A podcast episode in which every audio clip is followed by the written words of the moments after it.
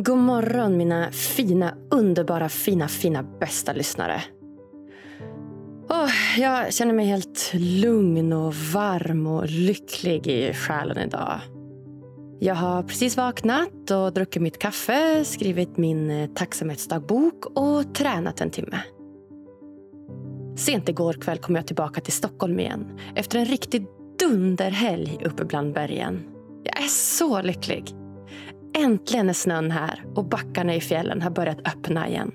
Det känns så sjukt bra att äntligen få spendera mer tid bland bergen. Jag har hängt med ett riktigt guldgäng nere i södra fjällen i år. Och gissa om alla är peppade på att åka snowboard och umgås igen efter en lång, lång sommar. Ja, snowboardfamiljen är min bästa familj. Den är helt fantastisk och bidrar med så mycket kärlek i livet. Så mycket goa, fina, prestigelösa, galna, roliga, tokiga och bara helt underbara människor på alla sätt. Oh, hjärtat bara svämmar över av kärlek. Det är så himla lyxigt. Jag trivs som fisken i vattnet i det här sällskapet och är så lycklig i själen just nu. Bästa, bästa snowboardlivet. Och för er som inte känner mig så heter jag Agnes Sjöström och jag driver den här podcasten för att jag vill sprida mer lycka och välmående till folket. Och jag tycker att du är superklok som har börjat lyssna på den här podden idag. Tack för att just du lyssnar och vill hjälpa till att göra Sverige till en lite lyckligare plats. Och nu till veckans fantastiska gäst. Jag har äran att gästas av en person som verkligen vet vad det innebär att följa sin innersta längtan. Hon heter Ann-Kristin Rut idag, men hette tidigare Åke och var präst i Svenska kyrkan när hon bestämde sig för att bli sig själv, nämligen en kvinna. Hon sa upp sig från kyrkan och har nu jobbat som föreläsare i över tio år med inriktning mot könsidentitet och könsnormer. I våras kom hennes självbiografi ut på Nordstedts förlag. Den heter passande nog Jag kom inte ut, jag blev mig själv. Idag gästar Ann-Kristin Lyckopodden för att berätta om sin resa från just Åke till Ann-Kristin.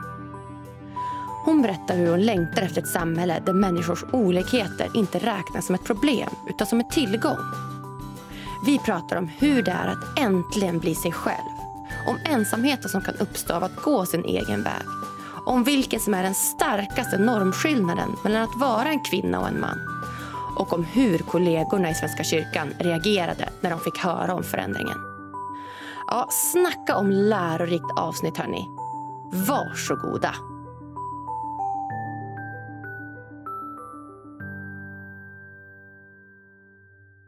Okej, Hej och hjärtligt välkommen till Lyckopodden, Ann-Kristin Rut. Tack för det. Ja, kul att du är här. Ja, det tycker jag också. Ja. Det har varit en lång resa idag från Sollefteå hit. Där bor jag ju inte i vanliga fall, men idag, jag har varit här och föreläst. Så att, eh. Ja, det är det du har. Ja, Sollefteå, du skrev det till mig igår, att du har varit i Sollefteå. Jag tänker, vad gör man i Sollefteå egentligen? Ja, vad gör man i Sollefteå? men det bor en massa människor där som väl gör allt möjligt, antar jag. Mm. Framförallt att de vill lyssna på dig, verkar det ja, Jo. Ja, spännande. Hur många bor i Sollefteå? Ingen aning. Nej. Faktiskt. Visst är det, det ligger vid, är det vid Sundsvall inåt landet någonstans? Ja, det är, ja norrut, norr, norrut från Sundsvall och så inåt landet. Mm. Är det norrut från Sundsvall till ja, Just det. Ja. ja, Sollefteå. Via Kramfors och in. Just det, Kramfors och in. Ja, men då är jag med. Jag borde ju veta det här, jag kommer ju därifrån. Eller jag kommer ju från Umeå, Norrland. Så jag borde väl ha ja, du ska veta det här. det skulle jag veta, att rackarns avslöjat. ja. ja, just det, Sollefteå. Jag trodde alltid att de sa fel. Vet, Skellefteå är ju nära Aha. Umeå. Jag trodde alltid att så här, när folk sa Sollefteå trodde jag att men det heter Skellefteå. Jag trodde alltid att folk sa fel. Jag fattade aldrig att Sollefteå fanns. Jodå, det finns. jag har varit där, jag vet, jag kan intyga. Du har bevis. Jajamän. Ja, fint. Men du, du kommer inte därifrån, utan du kommer från... Nej, jag är egentligen jag är smålänning. Just det. Mm. Från ett litet samhälle som heter Rottnäs som ligger strax norr om Växjö. Jag brukar, säga, jag brukar säga att det är jag och Ola Salo som kommer därifrån. De två stora världsprofilerna. Ja, mm. eh, får tala för Ola i alla fall då. Ja. eh, men eh, numera bor jag i södra Skåne. Södra Skåne. Men Rottne alltså? Mm. Rottne, ja. Det var där du föddes som Åke. Ja, Och nu är du Ann-Kristin. ja nu är jag Ann-Kristin. Ja. Mig själv. Mig själv. Äntligen. Ja. Hur var det liksom? Att, för jag tänker, du växte, växte upp i, i Rottne då, som Mm. Åke. Mm. Och sen då när du kom dit som Ann-Kristin, hur var det? Ja, jag kom nog inte dit som Ann-Kristin egentligen, utan jag lämnade Rottne egentligen i samma veva som jag blev mig själv och blev Ann-Kristin. Ja, precis. Det kanske inte går att säga så här, att nu, då var du Åke och sen var du Ann-Kristin, utan det var väl kanske en liten transformation. Ja, jag, egentligen har väl kanske alltid varit Ann-Kristin, Mm. fastän det inte har synts. Är det fortfarande så att du liksom, om du hör någon på stan ropa Åke? Ja, men det fortfarande- alltså Åke, eftersom jag är- har kallats Åke i 57 år drygt det, så, så är det klart att visst, jag reagerar på Åke, det gör Ja. jag ju. Inte så att jag vänder mig om om någon ropar Åke, det gör jag inte, men liksom det, det tar tag i mig. Alltså visst, man får, namn sitter berghårt alltså. Det gör det verkligen. Jag förstår det. Ja. Ja, vad spännande. Kul. Välkommen hit till Lyckopodden. Ska Ja, säga. Vi bara svävade iväg direkt. Då. Direkt. Jätte, jättekul att du är här. Mm. Och eh, det vi ska göra idag är egentligen att lyfta på locket och prata mer om din både inre och yttre resa får man väl säga. Från att ha hetat Åke och varit man till att nu heta Ann-Kristin och vara kvinna. Mm. Kan du inte berätta lite grann hur det började? När, när fick du idén om att så här, Åh, nu vill jag byta kön? Ja, ja, riktigt så var det ju inte, att jag plötsligt fick en idé. Jag tänkte, ja, men det kanske man skulle pröva på. Ja, kanske Nej, skulle... det är klart. Nej, nej, Nej, nej, så var det ju inte. Alltså, jag, jag, när jag växte upp så trivdes jag, jag väldigt bra med att och, och, och vara pojke efter allt vad jag minns. Ja. Eh, andra kan berätta en annan historia. Vår förutvarande skolminister Lina Axelsson Kihlblom till exempel har har berättat att hon visste när hon var fem sex år gammal att hon var tjej. Ah. Så, så var det inte för mig efter vad jag kan minnas i alla fall. Det är först när jag börjar komma in i puberteten som jag märker att jag längtar intensivt efter att få vara tjej istället. Och var de tankarna kom ifrån har jag ingen aning om. Alltså, måste komma ihåg att det här tillog sig i mitten på 1960-talet. Mm. Ehm, HBTQI plus och allt vad det är för Mm. någonting hade vi ingen aning om då. Alltså, och trans allra minst skulle jag vilja säga. Mm. Eh, vi visste ingenting. Jag visste ju absolut ingenting. Det var ju ingenting som... Vi hade en tv-kanal att titta på, en, en svartvit tv-kanal. Och där visades ingenting sånt här och i lokaltidningen stod ingenting och datorer ägde vi inga. Nej. Jag visste inte vad det var för någonting, etc. etc. Så, så att eh, jag hade ju ingen kunskap överhuvudtaget och jag, jag skämdes förskräckligt för att jag bar sådana här tankar. Men de, de ville inte lämna mig. De, de, jag försökte verkligen, men de ville inte lämna mig. Och, och till slut så kände jag att jag var tvungen att prata med någon och det blev min mamma. Mm. Och det var någon slags, tror jag, någon slags eh, ja, förtvivlat hopp att hon kanske skulle kunna göra någonting. Hur gammal var du då? mig. Ja, jag tror att jag var 13 kanske. Ja. Och hur länge hade du haft de här tankarna då? Liksom? Ja, det vet jag inte riktigt Nej. säkert, men, men ett tag, något Ja. år kanske, kanske mer. Ja. Det, det är lite svårt för mig att komma ihåg exakt så. Och, och, och vi... Jag satt, vi satt tillsammans på sängkanten och jag försökte förklara för henne vad jag kände. Och det var ju inte så enkelt, jag hade inga ord för det. Jag kunde liksom inte säga, jo men det är precis som hon där på tv eller nej, nej alltså jag, jag, jag trodde jag var ensam i hela världen. Mm. Vad sa du till henne? Hände det att folk frågade? Ja, ja, jag sa inte att jag ville byta kön som är en klyscha som vi helst inte ska använda. För det var ju absurt, själva tanken att jag skulle kunna vara flicka istället för pojke. Hur skulle det gå till? Det f- hade jag ingen aning om. Men jag var ändå tvungen att försöka formulera det, att jag skulle vilja se ut som en tjej. Mm. Och vad det betydde visste jag inte riktigt. Att jag inte trivdes med min kropp, det var ju klart. Men vad skulle jag göra åt den? Den, var ju, den såg ju ut som den gjorde liksom. Jag lånade i hemlighet lite kläder av min mamma, men och provade, men hon var ju jättemycket större än jag. Mm. Eh, och det kändes bara ännu dummare alltihop. Ehm, Hur togs det emot av mamma? Var ja, hon förstående? Ja, nej, för, för, förstående var hon ju inte, för hon förstod inte. Nej.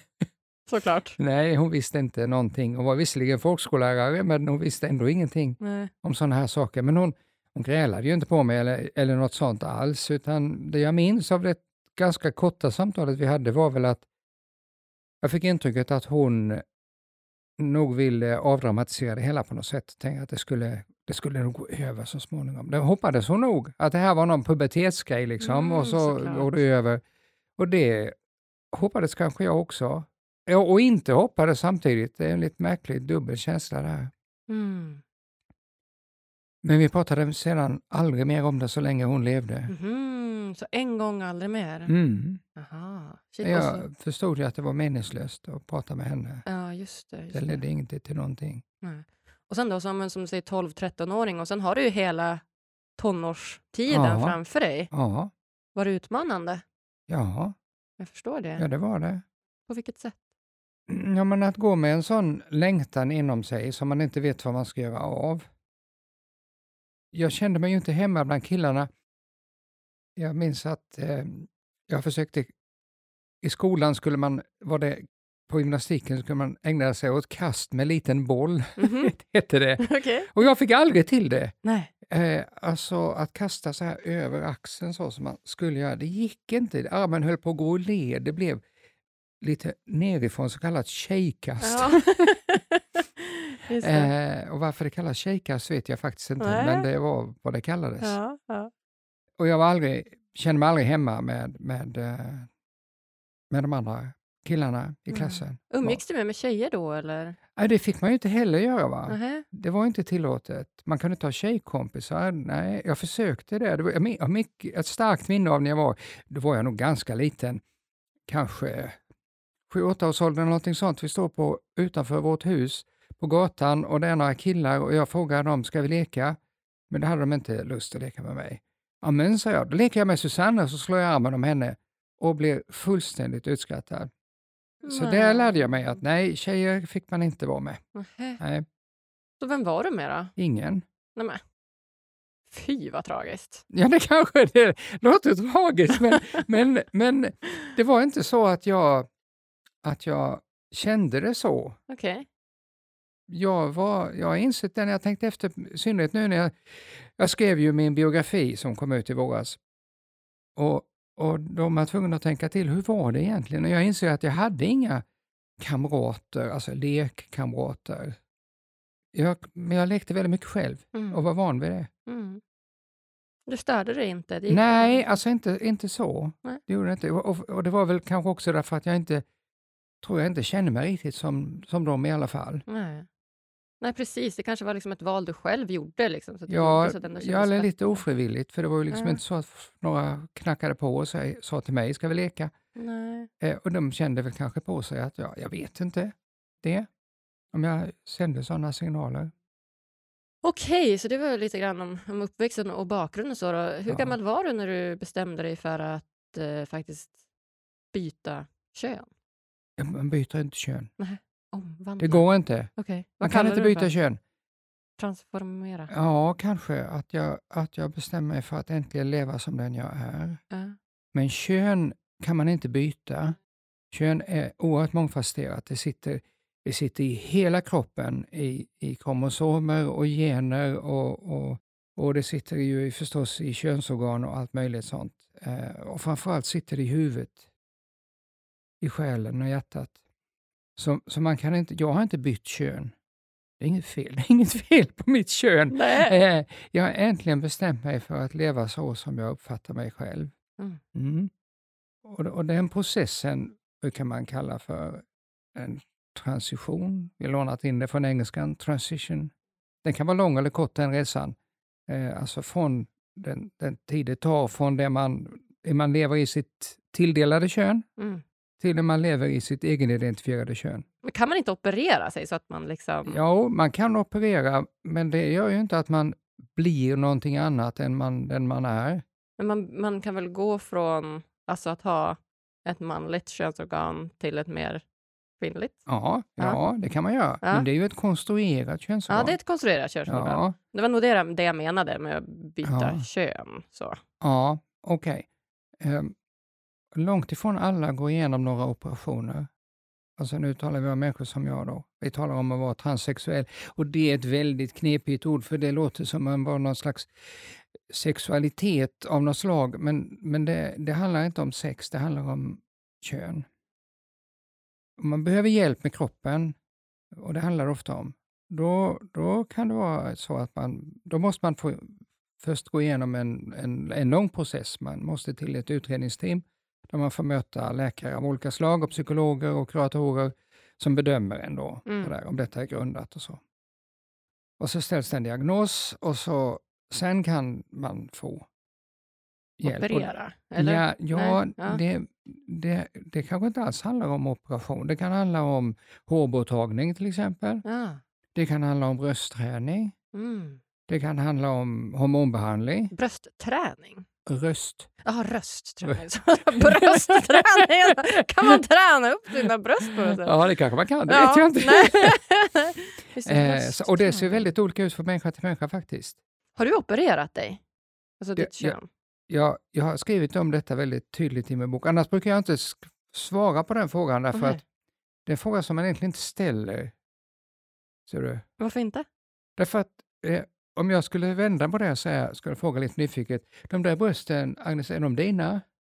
Ja, det kan man väl fråga. Kan man göra det? Brukar du det?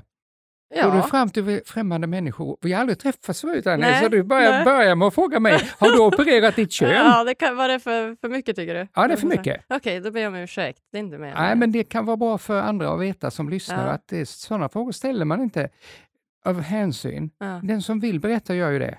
okej. Ja, Mm, nu är det var en nyfiken fråga bara. Men Ja. vi behöver inte prata om det. Nej, vi kan prata om det eftersom jag har skrivit om det väldigt tydligt i min bok. Jaha, ja. Men under, under ett antal år så kom ju folk fram till mig och frågade, är du opererad? Som om det var det viktiga. Mhm. Vad, är det, vad är det allra viktigaste att veta liksom, om en människa, om den människan har genomgått någon underlivsoperation eller inte? För mig handlar det inte om att det är det viktigaste, utan det är nog bara en av alla nyfikna frågor som jag har. Ja. Och varför, blir det ens, varför är det så viktigt att veta? Det är nog inte viktigt, Men du ville veta? för att jag är nyfiken. Ja. Ja. Och inte för att det är så viktigt kanske. Nej. Det är olika saker för mig. Ja. Ja. ja, för att det är väldigt, det är ofta väldigt fokus på det. På, på operationer hittan och dittan. Ja, men, Men- om vi släpper det då. Ja, vi, kan, vi kan göra det. Den som, den som vill veta mer om det kan, kan, ehm, kan ju läsa boken. Ja. då. För jag har Får jag också läsa mig- Då får du boken också läsa boken. För Ja. jag har faktiskt varit utförlig. Ja. Jag tänkte, ska jag berätta eller ska jag inte berätta nu om jag ska skriva? Men det gör jag det faktiskt. Ja, men då Ja. lämnar vi det till boken. Då får boken lämna- berätta det. Boken berättar det. Ja, om alla detaljer kring det. Snyggt. Ja. Om jag frågar så här istället då. Ja. Vad var viktigast för dig i din transformation?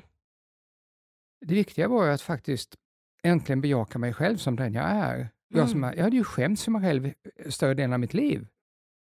Och varit oerhört rädd för mig själv. Rädd för mina tankar, rädd vad skulle andra tänka om mig och, och skulle det överhuvudtaget kunna gå att, att leva som Ann-Kristin? Det, det trodde jag under många år skulle vara en omöjlighet. Hade du bestämt att du ville heta just Ann-Kristin? Ja, jag, när jag äntligen bestämde mig för att nu, det här är jag, när jag insåg det att det här är jag, då, då gick jag med i en, en, i en förening för transpersoner. Och där skulle man ha ett alter ego, ett annat namn alltså. Och, och eh, då funderade jag, vad ska jag heta då? då? Men då kom jag på att jag för många år sedan hade funderat över vad hade jag fått heta om jag hade fötts som tjej.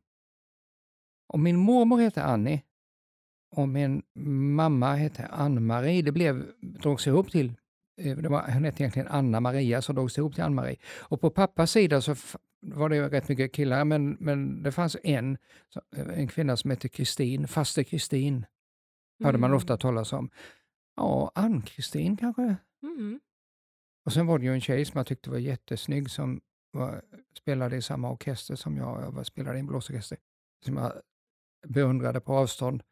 Hon hette Ann-Kristin. det påverkade nog också tror jag. Ja. Ja, så då, då, då, då, då, sa, då sa jag, okej, då får det väl bli Ann-Kristin då. Men namnet var från början inte så viktigt faktiskt. Sen är det väl så att egentligen skulle jag velat heta Annie, som min mormor. Men då hade jag en medarbetare, en nära medarbetare som hette Annie. Mhm. Och då känns det som att det liksom redan var taget på något sätt. Det kändes som att jag, nej, det blev för nära. Och ett annat namn jag hade på gång var Karin, som min moster hette, som min moster som jag beundrade väldigt mycket. Men hon, hon levde ju då och hennes barn levde också. Jag tänkte, nej, de kommer kanske inte att gilla det om jag tar det namnet. Så Just de vågade inte göra det heller. Idag, heter, står, idag står det på mitt körkort Ann-Kristin Karin. Jaha, Rut. Ja.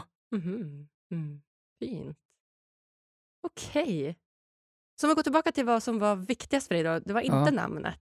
Nej, nej det, var, det var det inte. Sen är namn ändå viktigt, det Mm. är det ju absolut. Mm. Nej, men eh, det viktigaste var för mig, tror jag, dels att, att verkligen få möjlighet att få hjälp att kunna leva som den jag är. Och för, för den skull behövde jag också hjälp av vården, det som Mhm. kallas för transvården.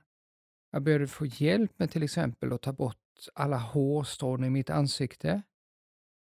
För det, det kände jag, det kan jag inte, det kan jag inte gå med, med, med skägg i ansiktet, det funkar inte. Och det är en lång och mycket plågsam procedur. Jag brukar säga till den som undrar, bry dig inte om att försöka dig på det om du inte absolut måste. Nej, okej. Oerhört plågsamt, tar lång tid, tar flera år i anspråk. Var det bara ansiktet eller fler delar av kroppen? Ja, det, jag har fler delar av kroppen också, men när jag fick hjälp med hormonbehandling så försvann en hel del av hårväxten på kroppen.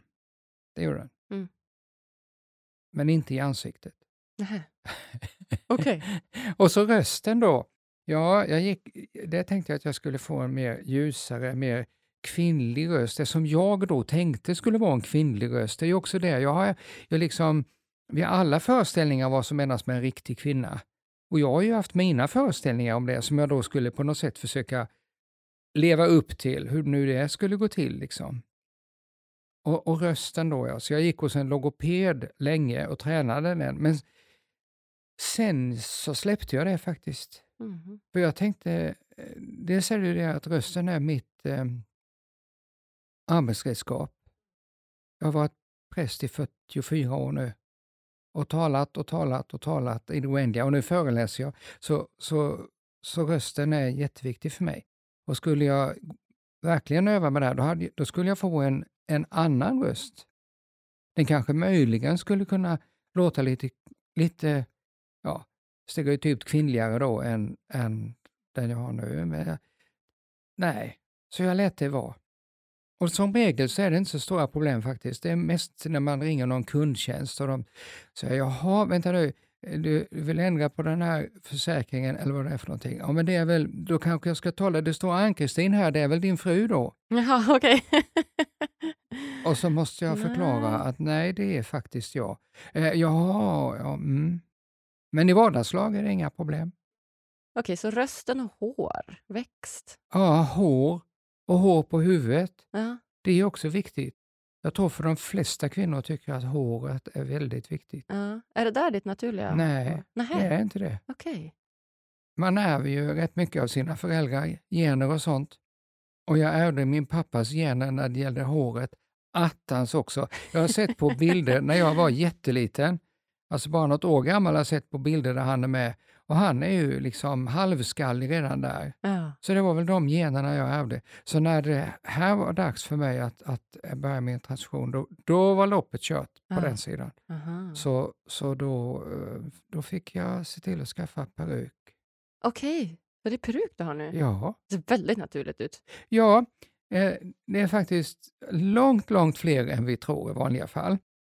Väldigt många fler kvinnor som har, har peruk. Många, många. Okej. Dolly Parton är kanske den mest bekanta. Mm. Hon har alltid peruk på sig, jag har läst. Mm. Även inför sina vänner. Det är ingen som ser henne utan peruk. Mhm. Okej. Men det är också något skamligt. Det är också något sånt där som vi inte Mm. pratar om. Det får man liksom Mm. inte säga. Riktigt så. Men, ja. men så är det. Vad fint att du faktiskt eh, säger det nu så vi kan sprida det här och försöka Ja. göra det till någon slags normalitet i vart fall. Att det inte är så konstigt att ha en peruk. Nej, men kära det är en mångmiljonindustri i, land, i vårt land, i Sverige och i hela världen. Och det är fantastiskt att den möjligheten finns. Alltså man kan ju ha eh, eh, problem med hårväxten av alla möjliga skäl och det finns ju en särskild diagnos som jag just nu har glömt bort, alltså där man tappar allt hår, man inte Mm. har någon Mm. hårväxt alls överhuvudtaget. Och att man då eh, kan få hjälp med det. Och, och så kan man ju säga, ja, är det så betydelsefullt då? Nej, inte för alla. En del väljer faktiskt att vara utan peruken helt enkelt. Släpper det. Som jag gjorde med rösten.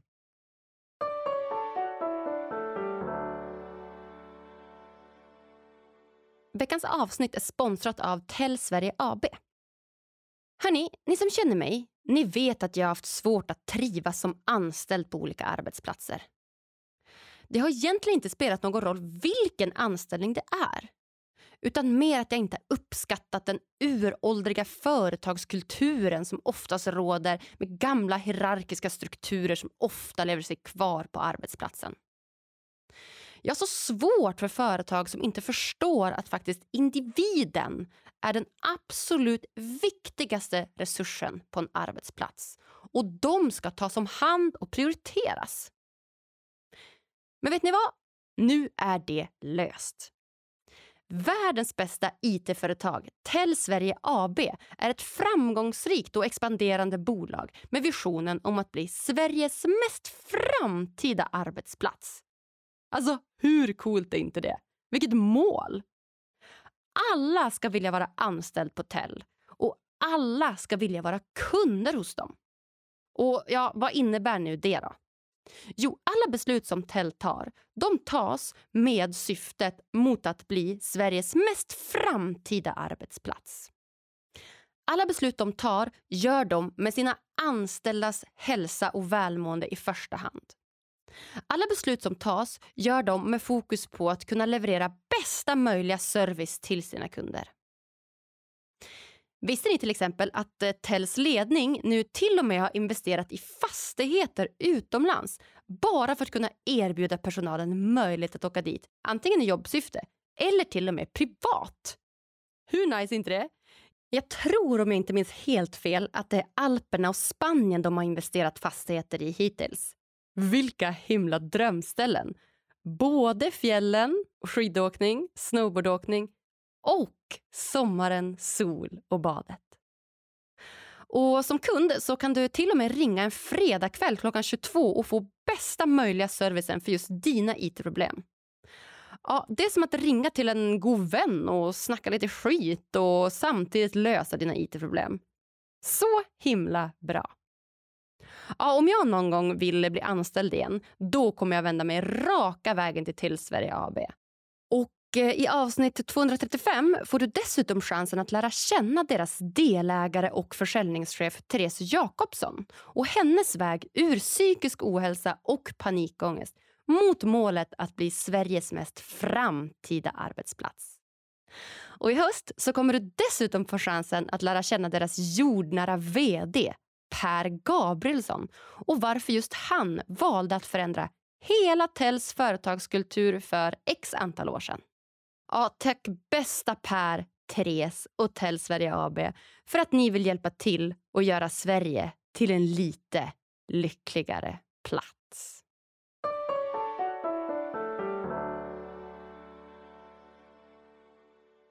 Hur gammal var du idag sa du?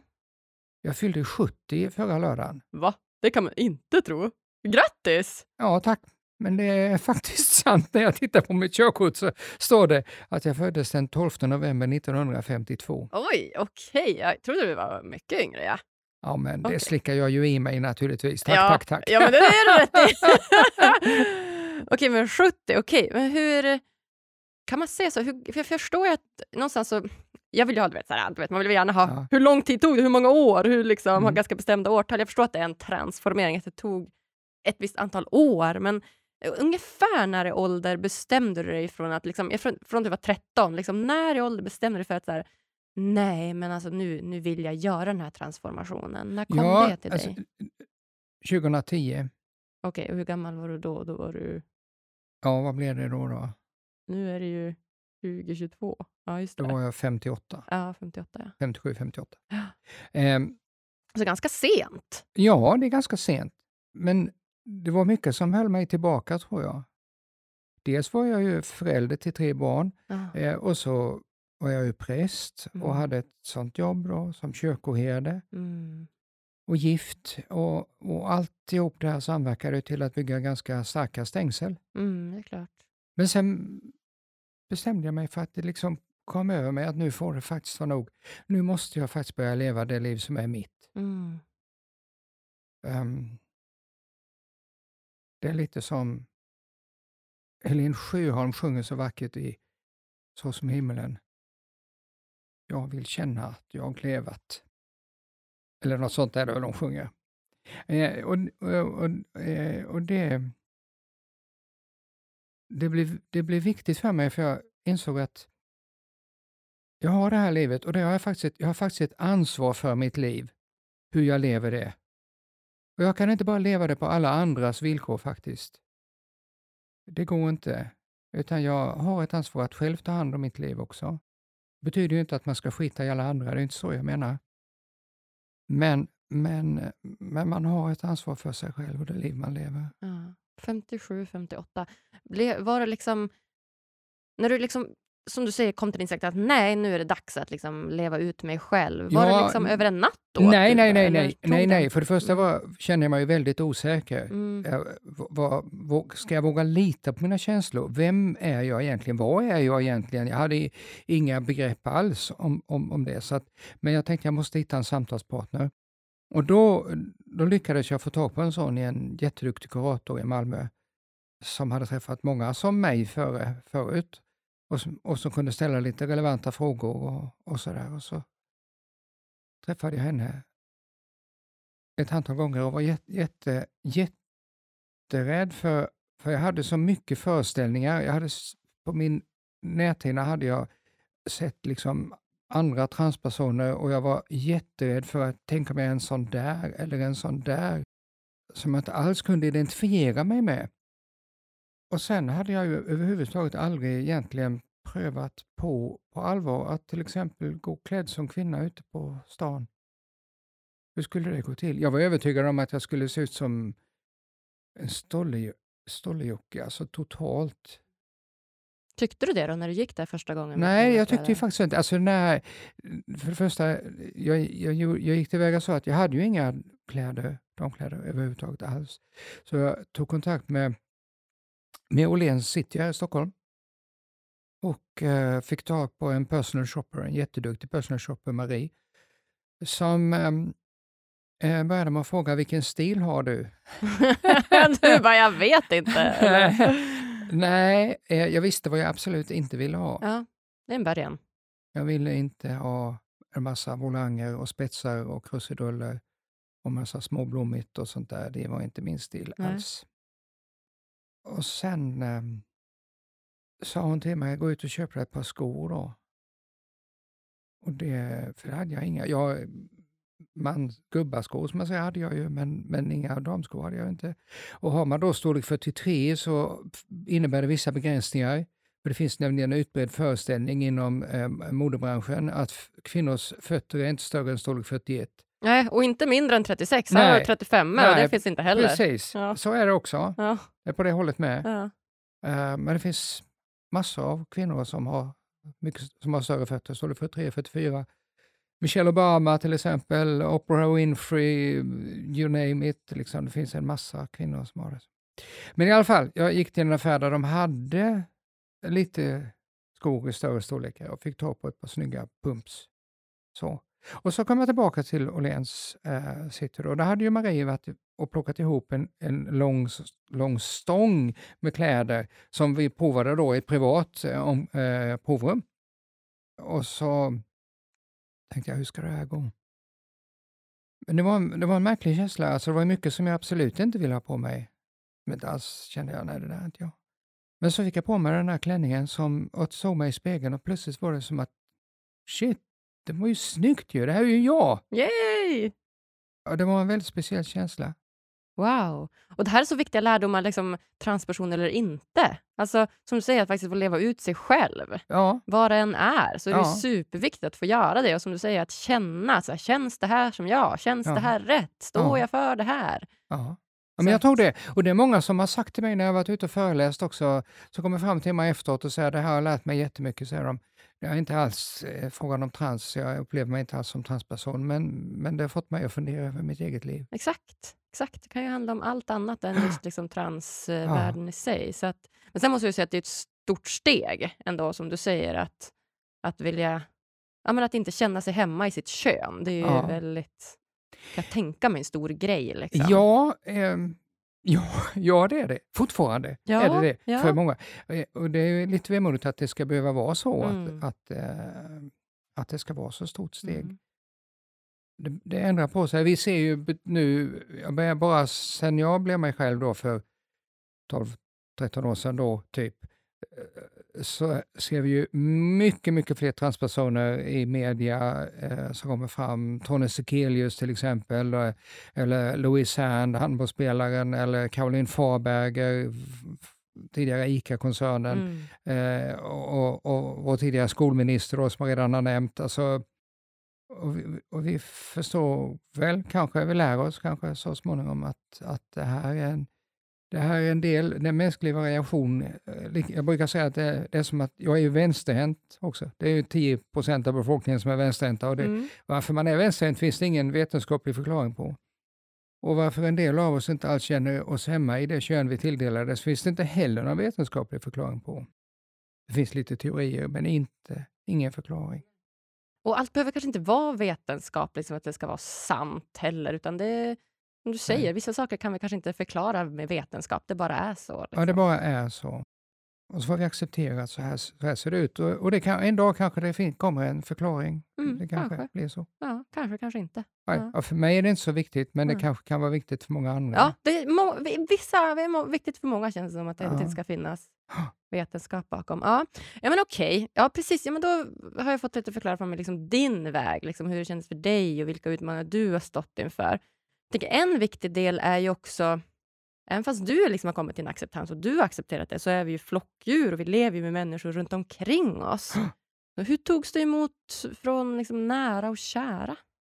Ja, det var ju olika. Mm, Jag har tre vuxna döttrar. Ingen av dem hade ju en aning om det här. De hade, de var helt okun, ovetande. Och när jag hösten 2010 pratade med dem, var och en, så var det ju en chock för dem. Allesammans var det det. Och det var ju en process eh, som tog tid. De behövde verkligen det.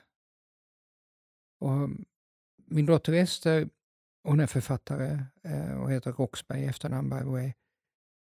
Hon bestämde sig för att skriva om det här. Det blev en bok som heter Min pappa Ann-Kristin, som bland annat ledde till att vi hamnade hos Skavlan TV.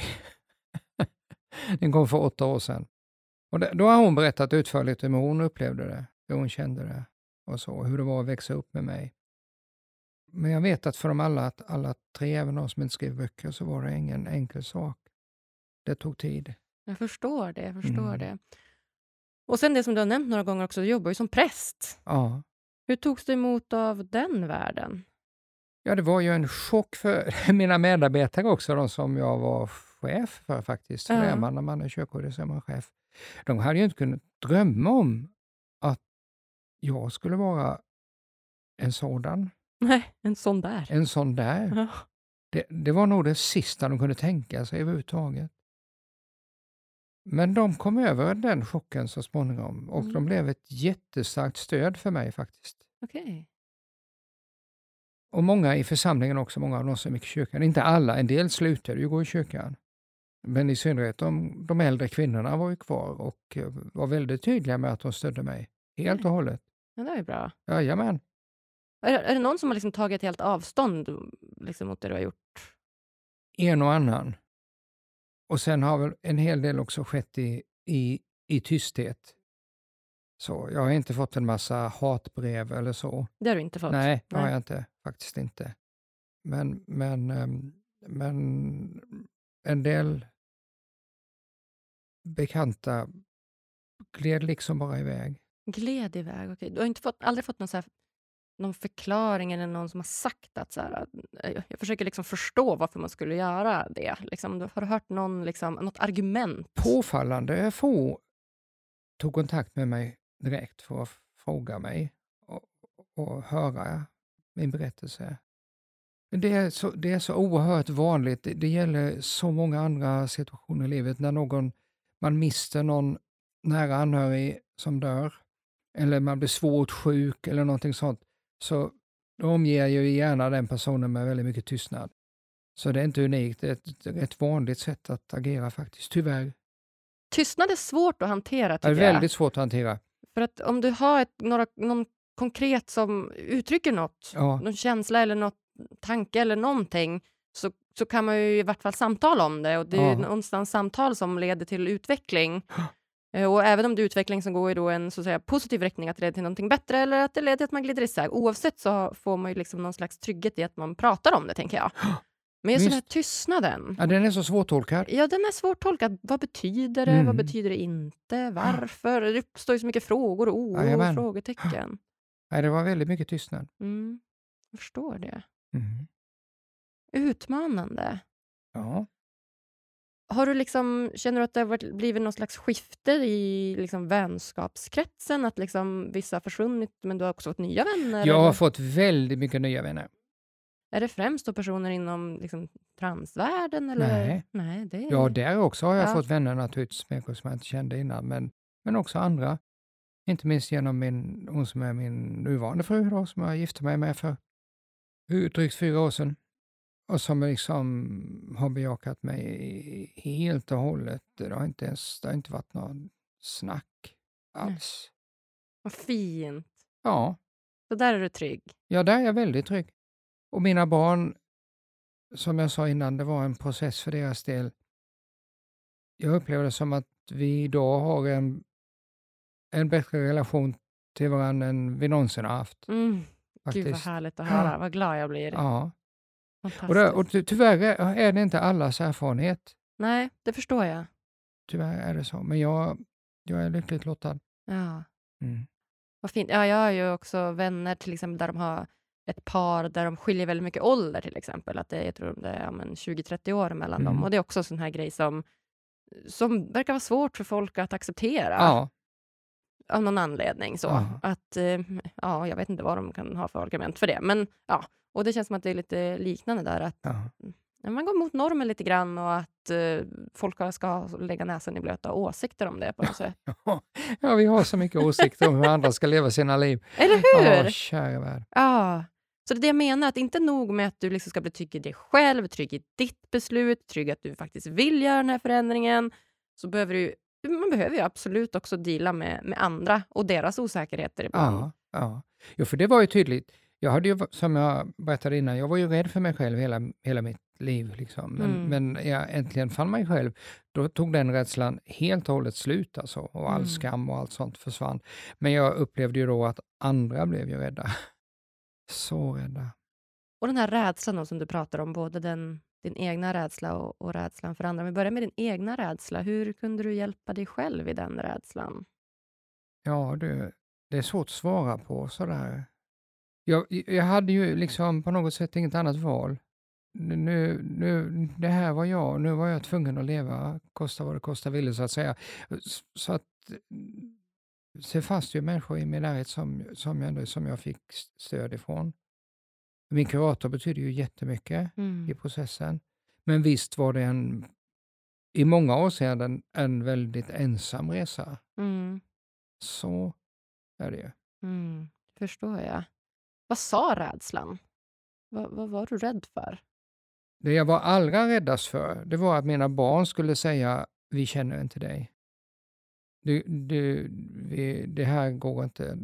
Du, du har ljugit för oss hela ditt liv. Vi kan, inte, vi kan inte ha dig som förälder längre. Ska du leva det här livet så gör det då, men vi vill inte ha med dig att göra. Alltså den, den rädslan fanns ju. För jag visste ju att andra hade haft det på det viset. Mm. Det förstår jag. Så, så det var det absolut den mest isande rädslan som, som jag kunde ha emellanåt. Berättade du det för dina barn? Att det var... Nej, jag har inte berättat det för mina barn. Nej. Okej, då kanske de får höra det nu då. Om de lyssnar på det De har läst min bok och där Ja. har jag skrivit det. Just det, då så.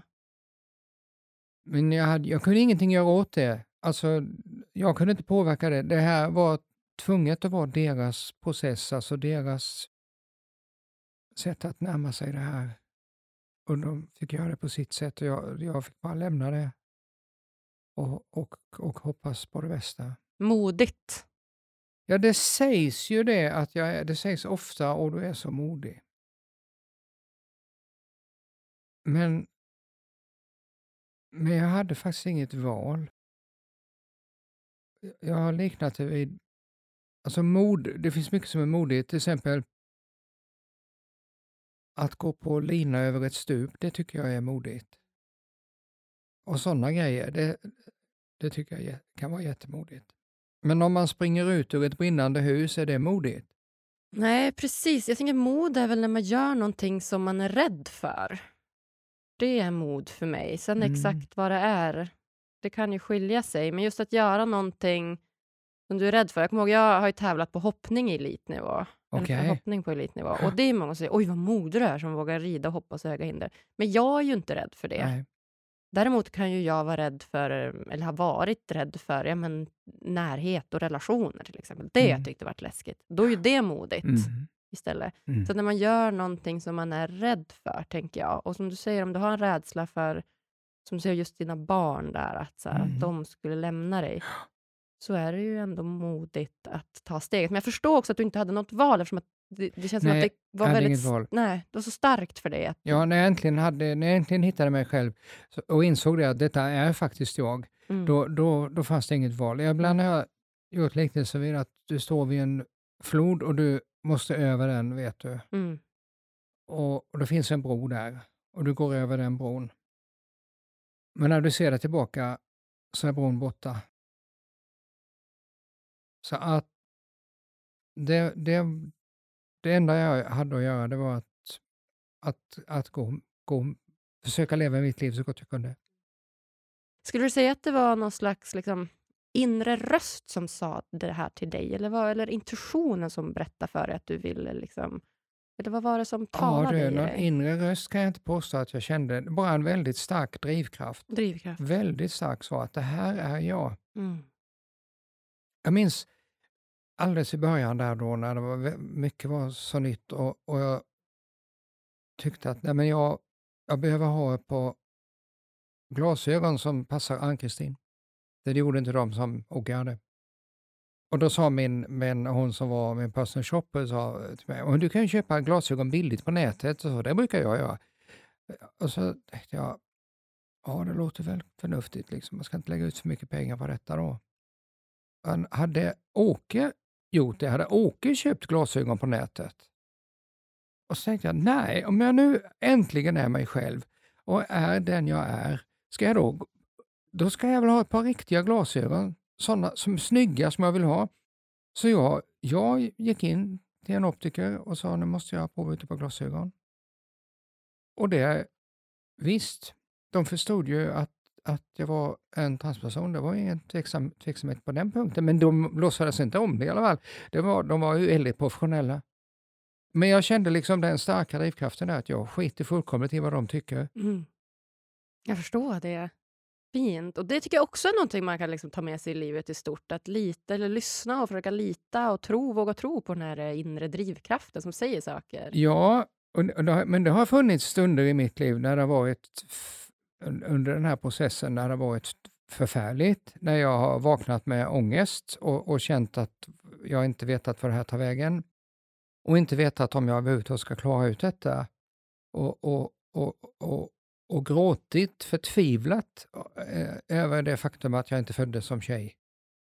De stunderna var inte så många, det, det har varit eh, stunder när jag, när jag har eh, tvekat om livet. Det är så. Eh, alltså. så, så har det varit Mm. också. Jag minns ett tillfälle när jag hade pratat med, med det var faktiskt med en av mina döttrar och, och, eh, och jag tänkte nu, nu, nu, nu, nu är nog dörren öppen liksom. Men jag förstod att det var den inte. Hon var inte där då. Hon var inte färdig. Och, och, och så det blev ett väldigt kort samtal. Och, och, och då kom förtvivlan över mig. Fullständigt mörk förtvivlan. Och jag låg, jag minns att jag hade en liten lägenhet som jag själv då, för då hade jag och min förutvarande fru, delat på, delat på oss. Och jag, och jag gick omkring i den här lilla lägenheten och skrek. Och jag låg på golvet och bara, bara tårarna bara kom och det blev bara svart och jag kände att jag kanske gör någonting riktigt illa nu. Mm. Då ringde jag, ringde jag en god vän och försökte säga någonting. Han förstod med en gång vad det handlade om. Han sa bara, vänta jag kommer. På tio minuter var han hos mig. Så han, jag kom hem till honom och sitta hemma hos honom och hans fru och pratade länge och kunde jag sova över där och, och så lugnade det ner sig. Det var inte många sådana tillfällen, det, men det var några stycken. Och då får man gå tillbaka, det som hjälpte mig också i de där stunderna när man kände hopplöshet, att gå tillbaka igen till urkänslan. Det jag kände från början, då när jag verkligen insåg att det här är jag. liksom. Mm. Och, och, och, lyfta fram den känslan igen och ta in den mm. och lita på den då. Om och om och om igen. Det, det, det hjälpte mig. Tillit. Ja, tillit till sig själv, tillit till att det var ingen inbildning det här. Det här var ingen, ingen nyck, det här var liksom ingenting som stundens infall eller någonting sånt, utan det här, det här är verkligen jag. Mm. Ja, verkligen. Ja, och det är inte alltid lätt alltså, som du säger. Det är lätt att uh, hamna i de här mörka dalarna ja. och, och, inte riktigt lita på sig själv. Men det var nog fint också att du fick hjälp av din vän där, för vi ja. behöver ju varandra. Ja, verkligen. Ja. Man behöver inte många vänner, men man behöver några stycken i alla fall kanske. Ibland räcker det bara med en, faktiskt en riktig vän. För att man ska åka gå vidare i livet. Verkligen. Tillit, mod och vänner och lyssna på din drivkraft. Det, mm. det är viktiga saker det vi pratar om nu. Och det är, som sagt, det handlar inte bara om transpersoner, det handlar om livet generellt. Ja. Det är jätteviktigt för att, men som kopplat till den här podden, att leva ett liv som du blir lycklig av. Ja, och det händer ju att, att jag får den frågan. Är du lycklig nu då? Mm. Är du det då? Och då känns det nästan som ett krav att nu ska jag vara det. Nu ska jag vara lycklig. Och vad är det då? vad är det att vara lycklig? Ja. Det är ju inte så att alla, alla problem i världen försvinner bara för att jag äntligen är mig själv. Nej. De är ju, jag lever ju med problem som de flesta människor har, alla möjliga saker som man kan oroa mig för, och situationen i världen och allt sånt. Lycka är ett, för mig ett, ett, ett vanskligt ord. För lycka för mig är mer jag kan säga temporärt, alltså lycka kan jag känna emellanåt, men det är inget, det är inget, för mig är det inget konstant tillstånd som man liksom bara befinner sig i. så. Men lycka kan ju vara så väldigt många olika saker, men det är det väl för de flesta människor.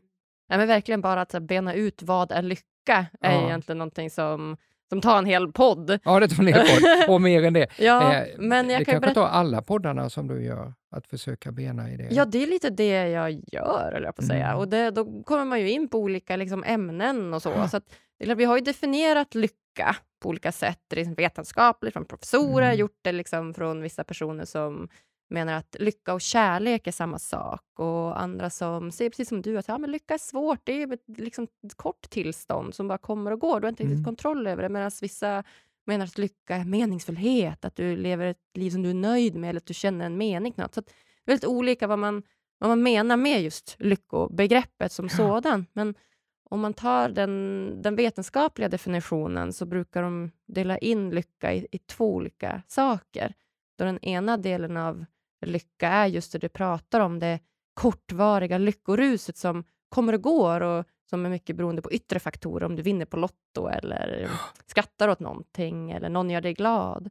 Men att lycka också, en del av lycka kan man också säga är ett, ett tillstånd som är mer liksom ett bestämt tillstånd, mer hur nöjd är du med livet just nu? Hur, är du, hur nöjd är du med liksom boendet och din fru och dina barn och ditt jobb och med liksom ett sånt konstant tillfälle, mer en nöjdhetsbarometer kan man väl kalla det för. Mm. Hur ser din nöjdhetsbarometer ut? ja. jag har så oerhört mycket som jag är tacksam för. Ja. Vi kan börja med, inte bara det att jag får vara den jag är äntligen, men att jag är frisk. Vilket absolut inte är någon självklarhet. Att jag är gift med en fru som älskar mig, Mm. att jag har barn som älskar mig, Mm. fantastiska, tre fantastiska döttrar eh, och jag har fem barnbarn. Mm. Ehm, och, jag, och jag har en hund som viftar glatt på svansen så fort jag kommer hem. ja, Och hundar som, gör en lycklig. och som till och med ligger och tittar efter mig i fönstret när jag inte är Ja. hemma. Eh, det finns så mycket som jag är så oerhört glad och tacksam för. Och bara vila i det och tänka på det, eh, det är ju också ett, skäl till att verkligen inse att, att jag har verkligen anledning att vara, vara lycklig. Jag, jag har ingen, egentligen ingenting som oroar mig i livet. Jag kan vara orolig för andra däremot rätt mycket Ja, just det. Så. Ja. Mm. för de närstående när de är min, min yngsta dotter är just nu i Afrika, Ja. eh, i Malawi.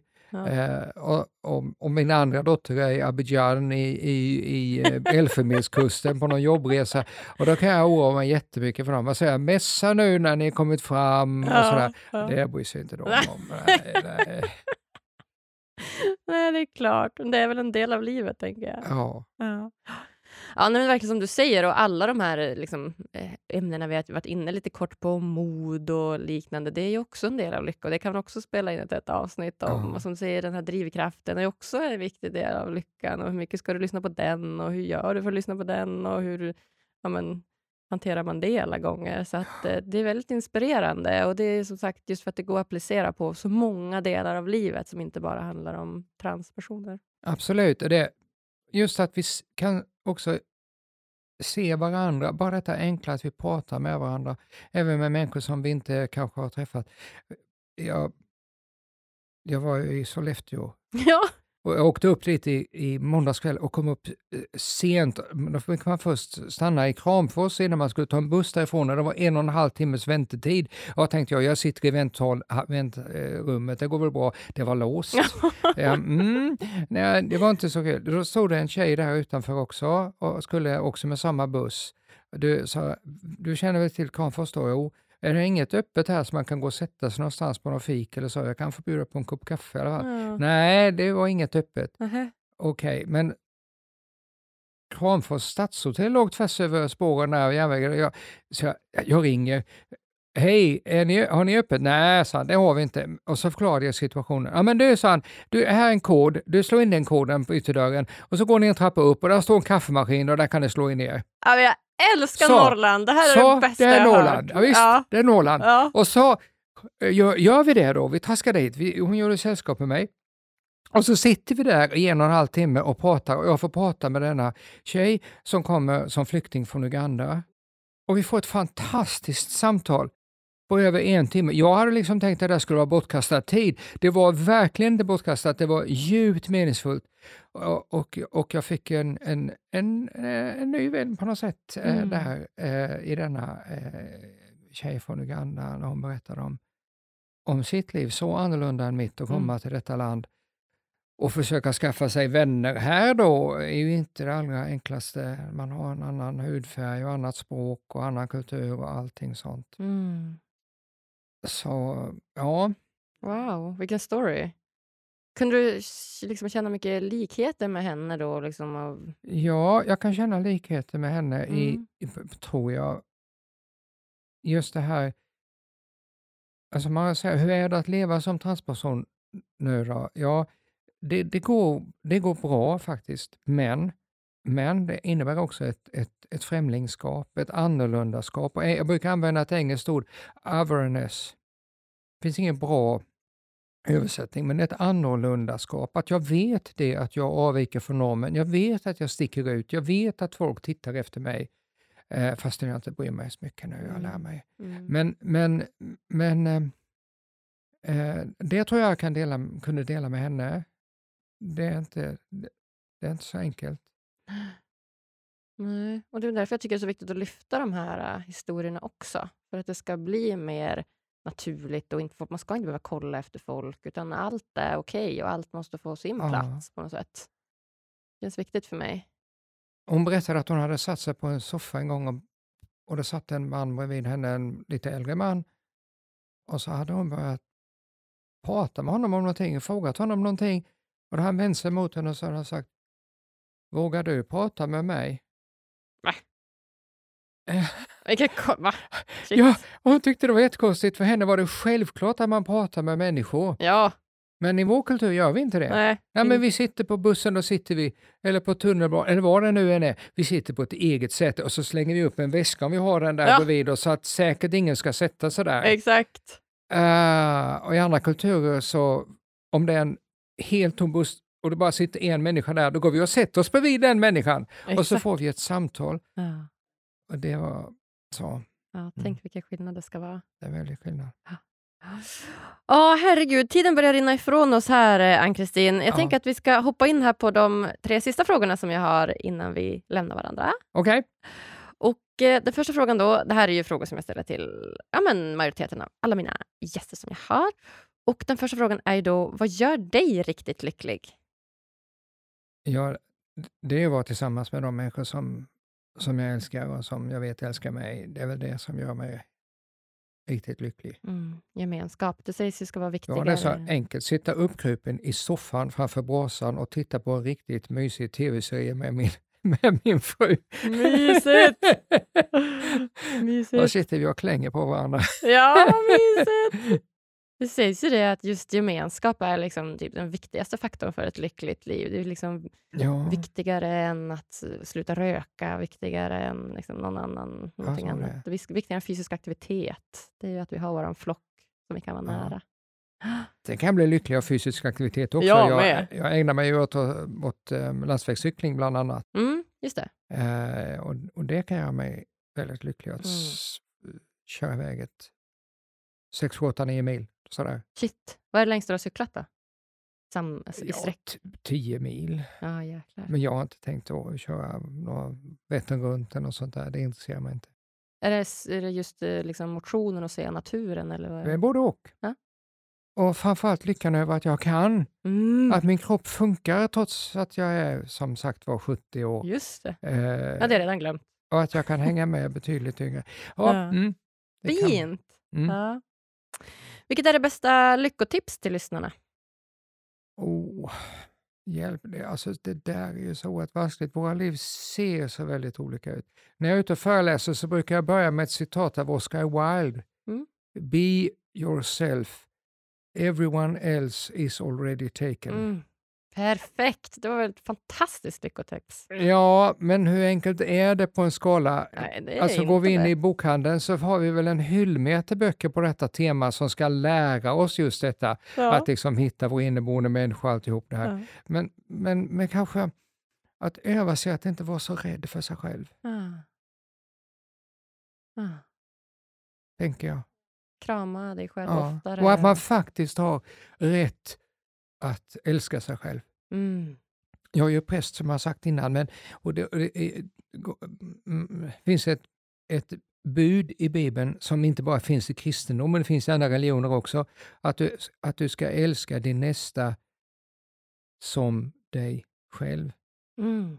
Och det där glömmer vi, de där tråden, som dig själv. Det, det, är faktiskt till, det är faktiskt en uppmaning från Gud själv att, att älska dig själv Mm. Och att öva sig i det. Mm. Jättefint. Det handlar inte om att vara egoistisk och sluta tänka på andra, nej inte Nej. alls. Nej. Nej. Nej, men verkligen inte. Och om du tycker om dig själv och älskar dig själv så är det också enklare att älska andra och Jag ge vill- det till andra, tänker jag. Jag vill tro det Ja, ändå på något Jag sätt. det. Det blir Mm. genuint på något sätt. Ja, ja nej, är det något så slutligen som du vill dela med dig av till lyssnarna här som du inte har fått säga än? Ja, vad ska jag då säga? Och ska, det känns som att jag nu ska säga någonting jätte, jätte, jätteklokt. Vart du pressat? Jag fick, en, en gång när jag, när, jag, eh, när jag hade föreläst för personal som jobbar i kyrkan i Stockholms stift så fick jag en t-shirt som, som tack. Och, och på den stod det följande. Alla är lika fina. Punkt slut. håll käften. ja, men det kanske är perfekta ord som får sluta den här podden då, Kristin. Så att jag säger tack, tack, tack snälla du för att du kommer gästa mig här på Lyckopodden! Tack för att jag fick vara med.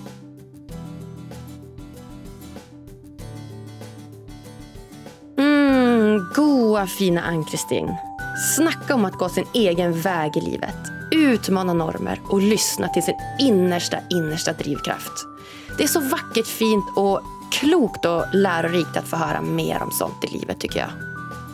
Och så sunt att hon i början av samtalet sätter sin egna gräns mot mig och valde vad hon ville dela med sig av och inte. Det känns verkligen som en viktig pusselbit att ta med sig om i livet. Och du, uppskattade du också det här avsnittet? Då hade jag blivit så glad om du ville gå in på podcaster-appen i din iPhone eller Android-telefon och ge mig så många stjärnor som du tycker det här avsnittet förtjänar. Lämna jättegärna lite kommentar också om du vill det. Och vill du veta mer om mig och få ännu mer lyckotips och inspiration? Då tycker jag dels att du ska följa vår Instagram, Lyckopodden heter vi där, och också lägga till mig i ditt nätverk på LinkedIn. Agnes Sjöström heter jag där. Då lovar jag dig att du inte kommer missa något som helst lyckotips. Vi hörs på tisdag igen. Lyckopuss till dig!